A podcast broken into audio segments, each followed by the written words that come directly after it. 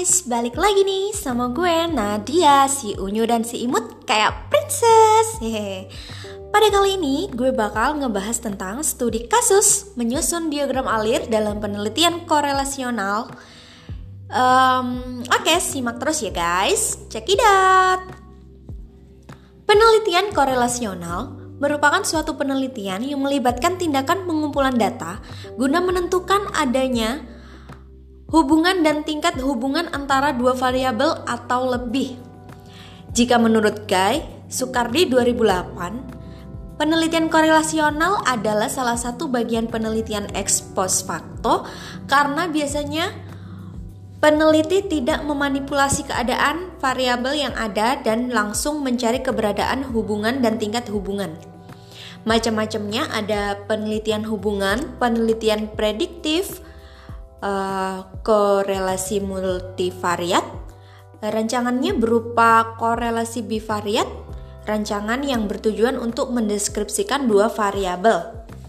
Regresi dan prediksi, regresi jamak atau perluasan regresi dan prediksi sederhana, analisis faktor, analisis sistem.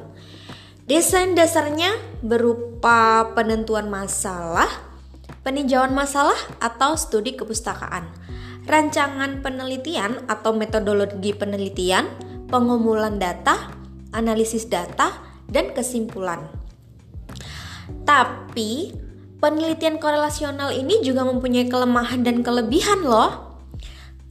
Kelebihannya yaitu dalam penelitian korelasional dapat memberi informasi dan dan derajat hubungan antara variabel-variabel yang kita teliti.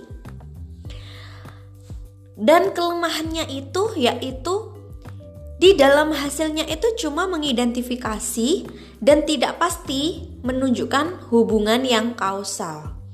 Jadi kesimpulannya adalah Penelitian korelasional merupakan suatu penelitian yang melibatkan tindakan pengumpulan data guna menentukan adakah hubungan dan tingkat antara dua variabel atau lebih.